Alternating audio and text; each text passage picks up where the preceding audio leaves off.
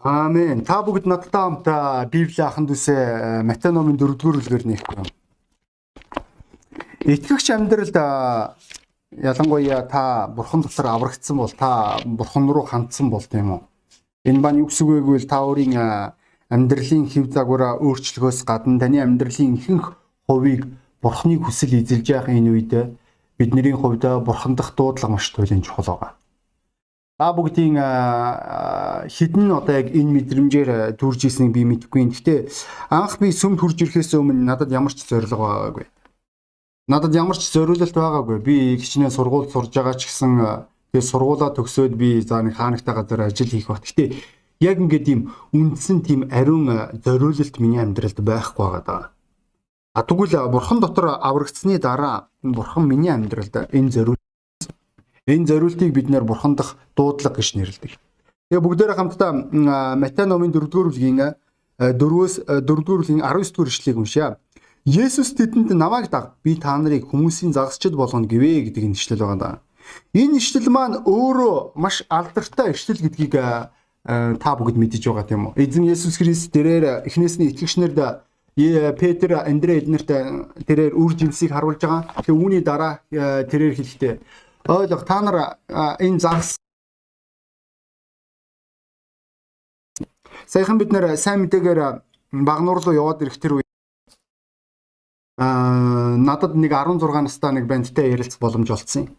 Энэ банд маань болохоор аа надаас асууж байгаа. Ер нь би яг зүгээр та надад зүгээр л хэлчих. Аа яг яах гэж та энэ газар хурж ирсэн юм. Яг яах гэж та одоо ингээд энэ танилцуулга тараагаад байгаа. Яг ямар учиртай танд яг ямар хэрэгтэй яагаад энэ бүх зүйлсүүдийг хийж байгаа.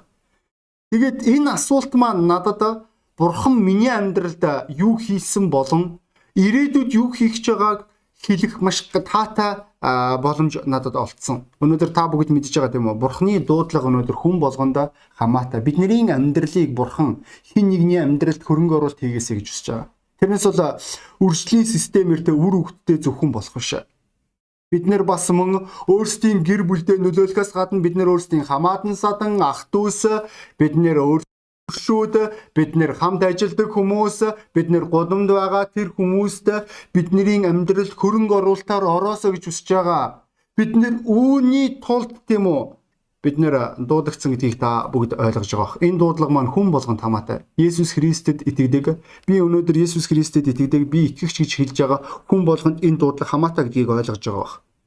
Үүн дээр ялгуур л байхгүй. Харж байна уу? Бидний нэшлэл дээр Есүс Христ хэсэг бүлэг хүмүүс буюу хэрвээ та өмнөх ишлэгийг уншаад үзэх юм бол энэ хүмүүс маань энэ хүмүүс энгийн загасчд байгаа. Тодорхой хэлэх юм бол энгийн амьдралаар амьдрдаг тэр хүмүүс онцгой элит гаралтай хүмүүс ерөөсөө биш. Үгээрээ би элит гаралтай байхгүй гэсэн үг ерөөсөө хэлээгүй шүү. Яагарахгүй бидний нэшил дээр Есүс Христ энгийн хүмүүсийн дунд амьдардаг энгийн л амьдралын хэв загвартай хүмүүсийг сонгож байгаа. Энийг зүгэл өнөөдөр бидний намайг таныг бурхан сонгосон гэсэн үг. Тухайн үеийн судлаач нарын хэлж байгаагаар тэр Галил нууранд барагцаалах юм бол 350 гаруй завь байсан гэж хэлж байгаа. Тэгээ 350 гаруй завь гэдэг чинь тэнцээ хүмүүсийг тоолох юм бол барагцаал бол 600 гаруй хүмүүс байгаа. А тэгвэл энэ хүмүүс дундаас а эзэн Иесус Христ сургуульд сураагүй, боловсралгүй. Ойлгож байгаас өнөөдөр та би юу чадахгүй гэж байгаа хүмүүстээ би танд хэлмээр байна. Бурхан хэрвээ энэ хүмүүсийг хэрвээ ашигласан бол өнөөдөр тэр тусмаа Бурхан намайг таныг ашиглаж чадна гэсэн үг. Бид нэр хизээч өөрсдийн амьдралдаа онцгой зүйлийг хүлээгээгүй байсан бол Есүстэй уулзгаас өмнө. Үүнд өнөөдөр итгэлийн амьдралын хамгийн гайхамшиг зүйл оршиж байгаа найснараа. Бид нэр Есүстэй уулзгаас өмнө бидний амьдралд онц юм ерөөсөө байгаагүй. Харин бид нэр Бурхан дотор аврагдах тэр мөчид бид нэр Есүстэй уулзах тэр мөчид бидний амьдрал тэр чигээр оронгоор эргэж байгаа. Бурхан биднийг мундаг учраас, шилдэг учраас Өнөөдөр өөрсдийгөө өнөөдөр илүүд үзэж байгаа тэр хүмүүсийн байр суурьнд очисон учраас бид нарыг бурхан сонгоогүй. Харин бурхан бид нарыг өнөөдөр энгийн хүмүүс учраас сонгосон болов. Үүгээрээ биднээс ямар нэгэн бардамнал, хийрхэл, их занг харахыг хүсэхгүй байгаа даа. Тухайн үеийн судлаачдын зарим нэгэн хүмүүс маань юу гэж хэлж исэн бэ гэвэл би ажилчин ангийг харах үедээ надад ямар ч мэдрэмж төрдгүй. Тэд нэр яг л галд хийх нүрс түлээтэй ижлэх хүмүүс гэж хэлж исэн байна да. Ойлгож байна уу?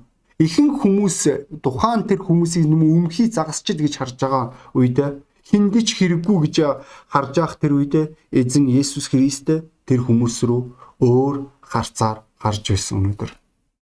Найз минь та өөрийн авралаа бодоод үзэхгүй юу? Та өнөөдөр бурхан доторыг яагаад аврагдсан бэ? Ихэнх хүмүүс яг л тэр алдарт судлаачийн хэлжсэн шиг тийм үү англид барагцаалах юм бол 7 сая а 27 сая хүн байна. Англид амьдарч байна. Тэгээ ихэнх нь тэнгүүд гэж тодорхойлсон байна.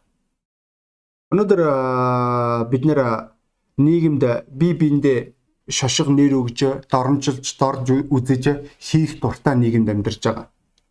Тэгвэл энэ болгоноос өнөөдөр итгэгч хүмүүс бидний харц өөр байх ёстой болов. Сая багнуурт бид нэр сайн мэдээгээр явж байгаа үед бас нэг өөр нэг сонирхолтой зүйл нь яг юу вэ гэвэл би нэг Амка гэдэг залуутай танилцсан. Энэ залуу их сайн залуу.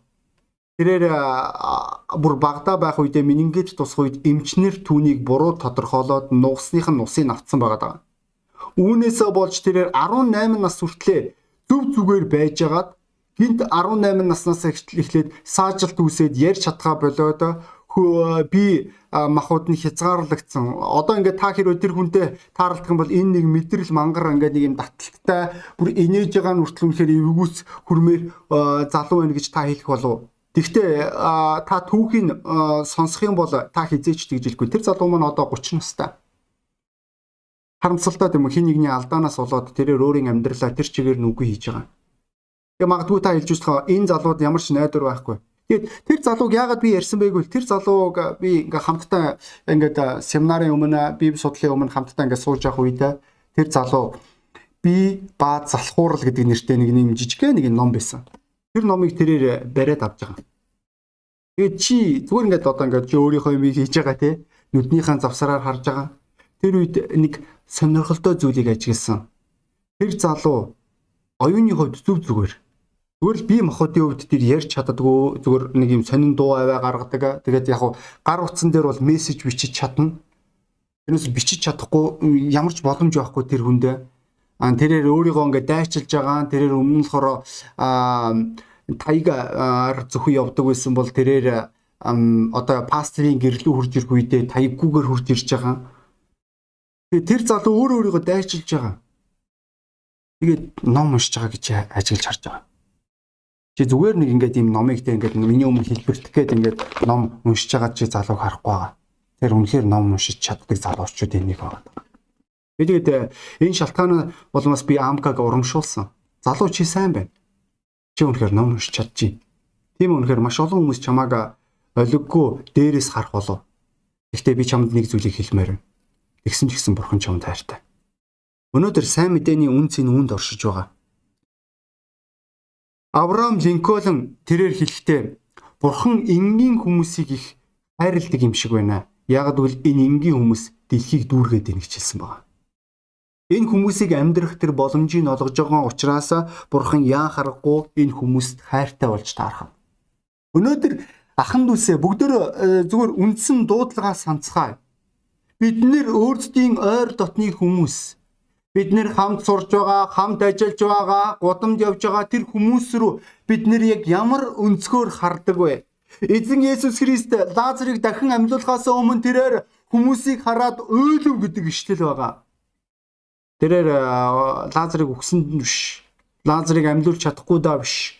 Зүгээр тухайн тэр хүмүүсийн аргаа барсан итгэлгүй байгааг хараад тэрээр уйлсан гэж хэлж байгаа. Энэ шалтгааны бол бас Матай номын 9-р бүлэг дээр Библи юу гэж хэлж байгаа вэ гэвэл энэ хүмүүс маань яг л хонжингуу хонд мэт төөрөн явж байна гэж хэлж байгаа. Зөвхөн өнөөдөр бүгдээр өөрсдийн нийгмийнхэн байр суурин дээр үүнийг төсөөлцгөөе.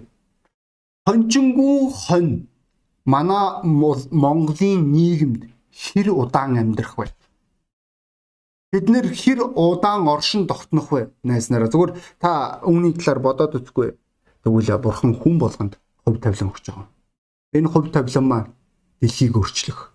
Энэ хувь тавилан маань хин нэгний амьдралд оролцох. Энэ хувь тавилан маань хин нэгний амьдралын өөрчлөлтийн тэр агуу төлөвлөгөөний нэг хэсэг болох байгаа. Үүнд эзэн Есүс Христ өөрийн шавнарыг дуудаж байгаа. Шавнар гэж яг ямар хүмүүс вэ? Дээрээс төрсэн хүмүүс. Бид нэр төгс хүмүүс ерөөсөө биш Тэд нэр алддаг, тэд нэр ундаг, сөхөрдөг, соригддог энгийн хүмүүс.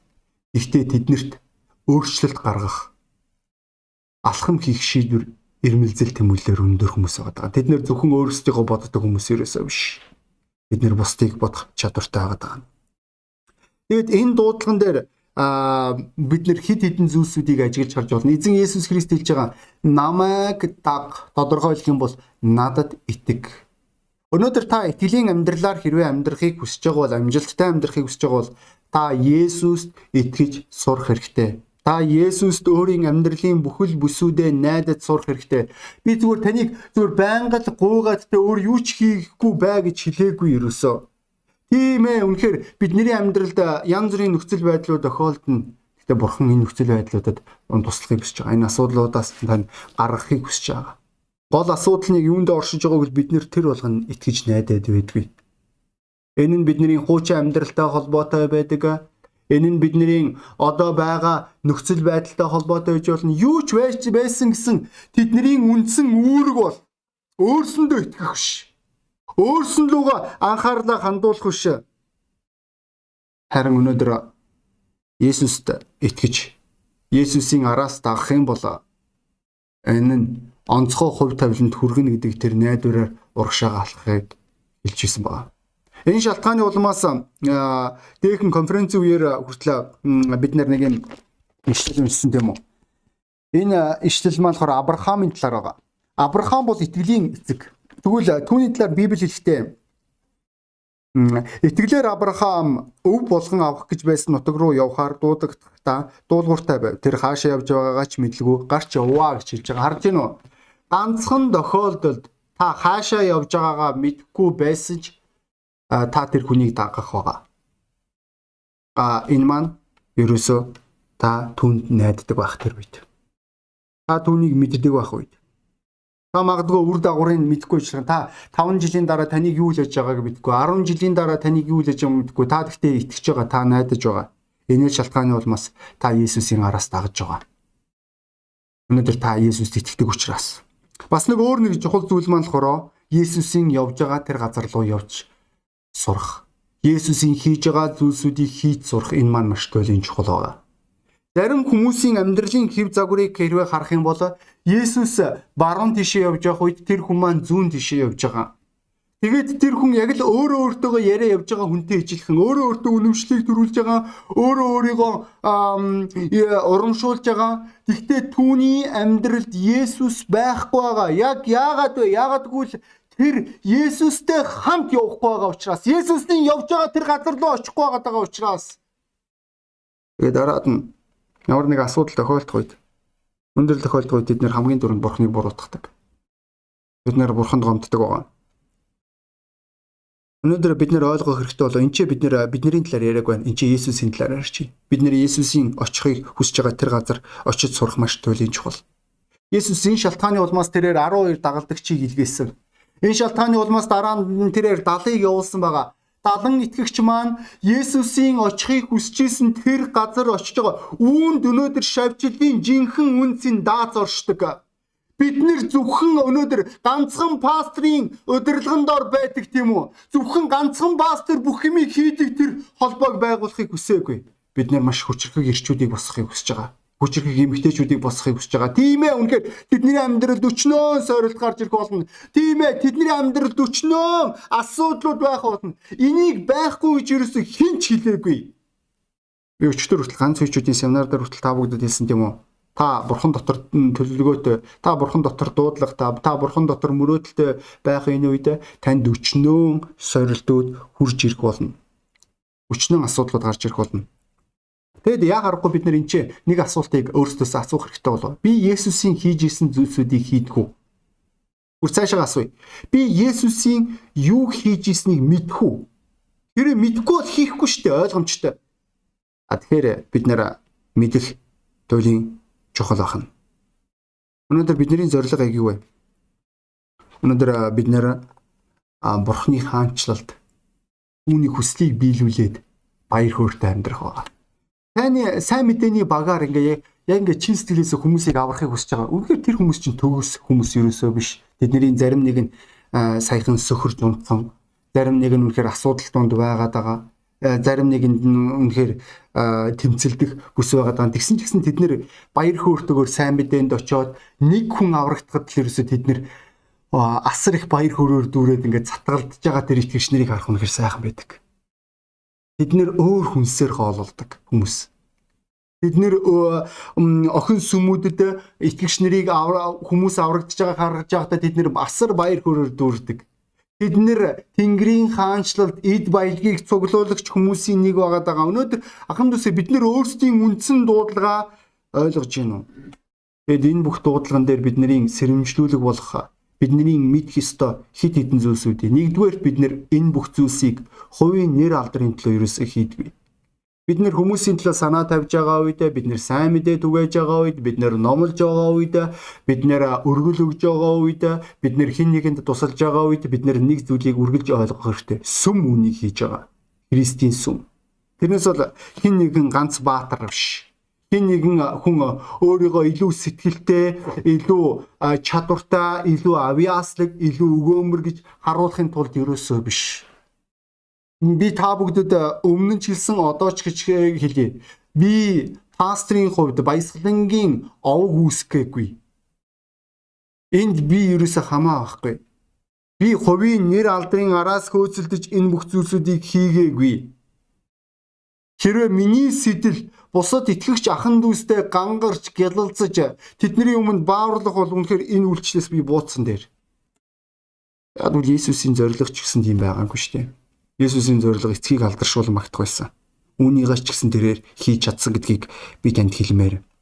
Шавнар нь маш олон удаа өөрөөр ботсон тийм үү. Тэд нэр баруун зүүн гарт байхыг хүссэн тэрээр аянга буулгахыг хүссэн шавнарын заримуд нь Тэд нэр үргэлж бааварлахыг хүсэж байгаа нь тэд нэр өөрсдөө ямар нэгэн байдлаар илэрхийлэхийг хүсэж байгаа нь тэд нэр өөрсдөө ямар нэгэн байдлаар тодотдохыг хүсэж байгаа. Ийм хүмүүс энэ хаанчлалд энэ дуудлаганд амжилт олдгоог би энэ 16 жилийн хугацаанд ажиглан харж байна. Бас нэг өөр нэг төрлийн хүмүүс энэ хүмүүс маань тав тухын хараас хөөцөлдөгч хүмүүс. Хэрвээ надад эвтэйхэн байх юм бол би миний хүсэл төрөх юм бол надад сонирхолтой байвал би надаа би энэ бүх зүйлүүдийг хийх болно. Есүс хизээч өөрийн тав тухын араас хөөцөлдөөгүй шүү дээ. Бүр үүнийг хүмүүс сонсонгуудаа заримуд нь явсан гэж хэлж байгаа. Яг яагаад вэ? Яагаад гэвэл тэр хүмүүсийн зорилго нь өөрөөс учраас. Бас зарим нэгэн хүмүүс нь болохоор ашигын араас хөөцөлдөж байгаа. Энэ хаанчлалд надад хэр ашигтай юм. Бид нэр үүн дээр бид нэр Анна Сафираг харж болно. Бид нэр үүн дээр бид нэр Симон Илбчинг харж болно. Энэ хүмүүс дандаа хувийн эрх ашигыг, хувийн сонирхлыг ирж хайж байгаа. Бүр Паул хүртэл тэрээр зөвхрөөд хэлж байгаа юм уу? Бусад хүмүүс өөрийнхөө ирж хайдаг бол энэ Тимот Христийнхийг ирж хайж гинэ гэж Өнөөдөр итгэгч найз минь чиний хийж байгаа, чиний алхаж байгаа, чиний ярьж байгаа, чиний зориулж байгаа, золиослж байгаа бүх зүйл Бурхны алдрын төлөө юу? Эсвэл зөвхөн чиний төлөө юу? Та юуны төлөө үйлчлдэг юм? Та юуны төлөө итгэдэг юм? Та юуны төлөө илгээгдсэн юм? Та юуны төлөө сайн мэдээ түгэж байгаа вэ? Бид нэр үүнийг санаж явах маш чухал. Энэ үед бид нэр үргэлж үн цэнийг төлөх болно Яг яагаад яагаад гэвэл э, бидний байр суурь эрүүл зөв учраас альва зүйл маань өөрийн гэсэн золиосыг шаардаж байгаа хизээч үнгүй юм гэж байдгүй. Энэ шалтгааны улмаас бид нэр энэ хаанчлалд илүү бүтээмжтэй байхын тулд бид нэр илүү их хүмүүсийг аврахын тулд бид нэр өөрсдөө тэр хүмүүсийн хүмүүст үйлчлэгч болгож хувиргаж байгаа. Тэр хүмүүсийн тав тухын араас хөөсөлж байгаа. Библи үжилж байгаа Ромын 15-ын эхний гуравчлаар хүчтэй бид нэр хүчгүй нэгнийхээ өөрсдийн хүсэлтэд нийцүүлж тэдний хүсэлд нийцүүлж тэднийг өсгөх рүү анхаарлаа хандуулъя. Итгэл дээр нь өсгөд, Бурхны үгэн дээр нь өсгөд, залбирал дээр өсгөд, сайн мэдэн дээр өсгөд нь бид нэр тэр хүмүүст үйлчлэн тусалцгаая. Ингэснээр бид нэр бурхны хүслийг биелүүлж байгаа. Тийм ээ үнэхээр энэ нь танаас цаг завыг шаардах болно. Тийм ээ үнэхээр энэ нь танаас санхүүг шаардах болно. Тийм ээ үнэхээр энэ маань танаас хүчийг шаардах болно. Гэхдээ итгээрэй найзаа энэ үүнтэйгээ тэнцхээр хэмжээний төлөөс байх болно. Тэнгэрийн хаанчлалт хин нэгэн танилуу хандаад хэлэх болно. Чи танилцуулга тараасны ачаар, чи гэрчилсний ачаар, чи тэр өдөр шийдвэр гаргасны ачаар би өнөөдөр энэ хаанчлалд амьдрах боломж энэ хаанчлалын иргэн болох боломж олдлоо гэж хэлэх болно. Өнөөдөр та эргэлзэх хэрэггүй. Таны бүх тэр тараас нь танилцуулга, таны бүх тэр гэрчилсэн гэрчлэлүүд, таны зориулсан тэр санхүү үргэлж зоригтой. Бурхан хизээч дэмий юм хийхгүй гэдгийг бид нэр ойлгож байгаа тийм үү? Энэ шалтгааны улмаас ахан дүүсээ бид нэр бурхан дах хувь тавилангаа тодорхойлж бурхан дах хувь тавилангаар амьдрах маш туйлын чухал байгаа. Энэ маань зөвхөн бид нэр аврагч биш гэдгийг та дөрөнс эхлээд ойлгосон болов. Түүний дуудлага бол сайн. Түүний дуудлага Библи юу гэж хэлж байгаа вэ? Би та бүгдэд зориулсан төлөвлөгөө байгаа. Өнөөдөр итгэгч найз би чамаас асуумаар байна. Та өнөөдөр Бурхны төлөвлөгөөгөөр амьдарч байгаа юу? Энэ төлөвлөгөөнд хүрэхэд өчнөө олон удаа та сөхрөн, өчнөө олон удаа алдна, өчнөө олон удаа шантарна, өчнөө олон удаа ялагдана Гэхдээ өнөөдөр эзэн хэлэхдээ би та нарт зориулсан төлөвлөгөө би энэ маань гайн гамшигт биш харин та нарын сайн сайханд зориулсан юм а гэж хэлж байгаа. Өнөөдөр энэ төлөвлөгөөг та өөрийн амьдралдаа илрүүлж олж чадсан уу? Хэрвээ олоод өнөөдөр та магадгүй яг одоо та нүгэлд унсан байж болох юм. Яг одоо та магадгүй сөхөрсөн байж болно. Яг одоо та шантарсан байж болно. Итгэгч найз би танд хэлмээр байна. Битгий бууж өг Та хэр өөртөө итгэлгүй байгаад бол маш сайн байна. Одоо бурханд итгэж эхэл.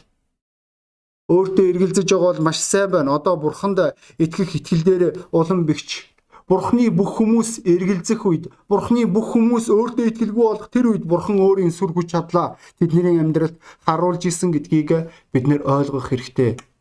Бидний амьдралд өчнөө олон удаа уналт байж болно бидний амьдралд өчнөө олон удаа сөхрөх асуудал гарч ирж болох юм. Та бодож байгаа үнэхээр эзээ энэ бүх зүйлээс гарах гарц юм байна уу? Надад боломж байгаа юу? Надад найдвар байгаа юу? Би өөрчлөгдөхгүй. Би чөлөөлөгдөхгүй. Би э, энэ бүх зүйл дээр ялалт байгуулах уу? Өнөөдөр найз минь эзэн хэрвээ чамааг намайг даг. Би чамааг хүмүүсийн загасчин болгоё гэж хэрвээ хилжил байгаа бол тэр юу хэлж байгаагаа маш сайн ойлгож байгаа. Тэрээр танд туслах болно. Яг бол Есүс хэлсэн. Бидний бидний амьдралдаа энэ бүх асуудлууд, энэ бүх уналтууд, энэ бүх зүйлсүүдээс нэг зүйлийг ойлгох хэрэгтэй. Бид нэр энэ бүх зүйлийг дэмийг. Өчигдөр би ганц хүчүүдийн семинар дээр Starbucks-ийн үүсгэн байгуулагч өмнө нь болохоор кофе зардаг байсан компаниг дараад нь болохоор тэрээр өөр чиглэллөө чиглүүлээд Италийн одоо бидний хараас урцсан кафе бин, Tom Tom's одоо өөр бусад юу гэдгийг тэр мини кофе те энэ газруудыг бид нэр а харж байгаа бол энэ бидний хувьд энгийн үзэгдэл байгаа бол тухайн үед тийм байгаагүй Америкчууд дасаагүй байсан гэж хэлж байгаа. Тэгвэл Говард Хавард гэдэг энэ хүн маань тэрээр энэ төслийг буюу зүгээр нэг кофе зарах биш. Кофег бас мөн хүмүүс кофений машинаас уух тэр боломжийг олгохын тулд тэрээр санхүүжлийг хайсан байгаа. 200 би хэрвээ андуураг бол 249 удаа тэрээр ор хүмүүст хандаад түүнээс би одоо яг тодорхой тоог нь хэлэх 242 удаа тэрээр хүмүүст хандаад үүнээсээ 217 хүнээс үгүй гэдэг хариулт сонссон гэж байгаа. Та оронд нь байсан бол яг ямар алхам хийх байсан бэ? Өнөөдөр та өнөөдөр ямар үйлдэл хийх байсан? Өнөөдөр найз минь ойлго. Шантрах үе гарч ирнэ. Санаа зовох хэрэггүй. Бурхан чамтай хамт байгаа. Бурхан чамайг дагуулаа явж байгаа. Өнөөдөр ойлгож уу чи хиний араа хиний араас дагж байгаагаа. Чи хинтэй хамт явж байгаагаа сан. Тэрээр таны амьдралд тэрээр энэ үйл явцаа, энэ сургамжаа, энэ ажилла тэрээр хийсээр болно. Одоо хүртэл бурхан бидний амьдралд ажилласаар байгаа. Бүр та магадгүй бүр итгэгч байгаад 10 жил болж иж болох юм. Тэгсэн ч гэсэн одоо бурхан тань дээр ажилласаар байгаа. Бурханы нэгүсэл өглөө болгон бидний амьдралд шинчлэгддэг. Энэ бол бидний хувьд ахын дүүсээ ерөөл байгаа. Энэ нь дахин боломжийг боломжийг ашиглах тэр боломж байгаа даа. Та өнөөдөр бурхны гарт байгаа цагт өнөөдөр найз минь ойлгох хэрэгтэй болов. Өнөөдөр та бурхантай эвлэрж байгаа цагт чин сэтгэлийн гимшил таны зүрх сэтгэлд байгаа цагт зүгээр нэг одоо гимшхийн төлөө гимших биш. Өөрийн зан үйл алхмаа өөрчлөх тэр шийдвэр гаргах тэр үед бурхан танд туслах болно. Бурхан тань дээр одоо хүртэл ажилласаар байгаа. Би олон удаа итгэгч нэрдээ та бүгдэд бид нэр карантинаар байхгүй цуглардаг байх үед хэлжсэн нэг бидний духан дээр хүн болгоны духан дээр нэг үг байгаа гэж бурхан өөрийн ажлаа хийсээр байна. Өнөөдөр энэ маань үнэхээр найс нараа гайхалтай тийм үү? Даанч харамсалтай нь би одоо тэр жишээг хэлэхэд маш тааламжгүй хүний жишээ орж ирдэг ч гэсэн уг нь бол тэр жишээний санаа нь их гоё санаа. Би яг бурхны гарт байгаа а зургийн харандаа гэж тэр хүн надад хэлж ирсэн нэгэн цаг. Даанч харамсалтай нь тэрээр тэр харандаа шиг амьдраагүй. Тэгвэл бид нэр харандаа шиг амьдарч болох юм. Бид нэр ирээ алдаж болно. Тэгсэн ч гэсэн бурхан хурцлана. Бид нэр алдаад зурж болох юм. Бурхан тэр хэсгийг балруулдаад дахин зурна бид нэр бурхны үйлсийн нэг хэсэг болж байна. Тэгвэл өнөөдөр найз нараа бид нэр юу хийх ёстой? Тэрийг л хийх хэрэгтэй. Юунд дуудагдсан түүндээ өөрсдөө зориулах хэрэгтэй. Энэ Улаанбаатар дасар хэмжээний хэрэгцээ байна. Энэ Эрдэнэт дархан багнуур дасар хэмжээний хэрэгцээ байна. Энэ нийгэм өнөөдөр хүмүүсийг оюунаар цэнгэлж чадчихээн мэдлэгээр цэнгэлж чадчихээн техникээр цэнгэлж чаддгийн чадж байна даанч ёс суртахуун гэдэг юм тэднэр таалаг Тэгвэл яс суртахууныг өнөөдөр бурхны үг сургадаг байна. Тэгвэл би та бүгдийг үүнд өөрсдийн амьдралаа зориулаасаа гэж хүсэж байна. Эзэн Есүс Христ хэлдэг. Намайг даг би та нарыг хүмүүсийн загсчд болох юм. Та нар надаас суралцсан. Та нар надаас суралцсан зүйлсүүдээ бусад хүмүүс түгэн үүнд өнөөдөр сүмийн ахан дүүс бидний үндсэн үүрэг оршиж байгаа болоод тэгээд хүн болгон толгой удаалгаад Би та бүгдийг залбирал дөрийн амьдралаа гэж хүсэж байна. Яг одоо энэ хоронд. Магадгүй та энэ номлыг анх удаа сонсч иж болох юм. Танд аврал хэрэгтэй бол та яаж аврагдахаа мэдэхгүй байгаа бол та бидний утас руу залгаж болно. Бидний утас бидний YouTube сувгийн тэр хэсэгт нь тэр доор хэсэгт нь байгаа тэмдэглэл дээр та биднээс асуух юм асууж болно. Бид нэр таатай хариулах болно. За өнөөдөр итгэгч аханд үсэ би та бүгдэд рүү хандъя. Хэн нэгэн гимших хэрэгтэй бол гимш Хэн нэгэн эвлэрэх хэрэгтэй бол эвлэр. Хэн нэгэн өөрийн зүрх сэтгэлээ бурхны өмнө шулуутгах хэрэгтэй бол шулуутгах. Хэн нэгэн илэн далангуй байх хэрэгтэй бол илэн далангуй бай. Бурхан дах агуу төлөвлөгөөд найз минь таны амьдралд энэ дуудлага солигдоогүй. Та амьд байгаа цагт өнөөдөр бурхан таныг дуудсаар байгаа. Энэ дуудлаганд хариулж амьдрах тэр мөчөд бид нэр бурхан дах хувь тавилангаа олж байгаа. Би та бүгдийг үүн дээр итгэмжтэй байгаасаа гэж хүсэж байна ахын дүүсээ биднэрт эзэн дотор найдвар байгаа. Амен. За тэгээ бүгдөө цуглааны э, төгсгөлд залбирцгаая. Тэнгэрлэгч өнөөдрийн номлыг ивэсэн танд баярлалаа. Таны байл таны гар үргэлж бид нарт хамт тоглолтгоё. Есүс Христийн цаар ахан дүүсийн миний вэн үзэм Есүсийн нэрээр. Амен. Ахан дүүсээ удахгүй зүүмээр холбогцгоё. Та бүгдэд баярлалаа.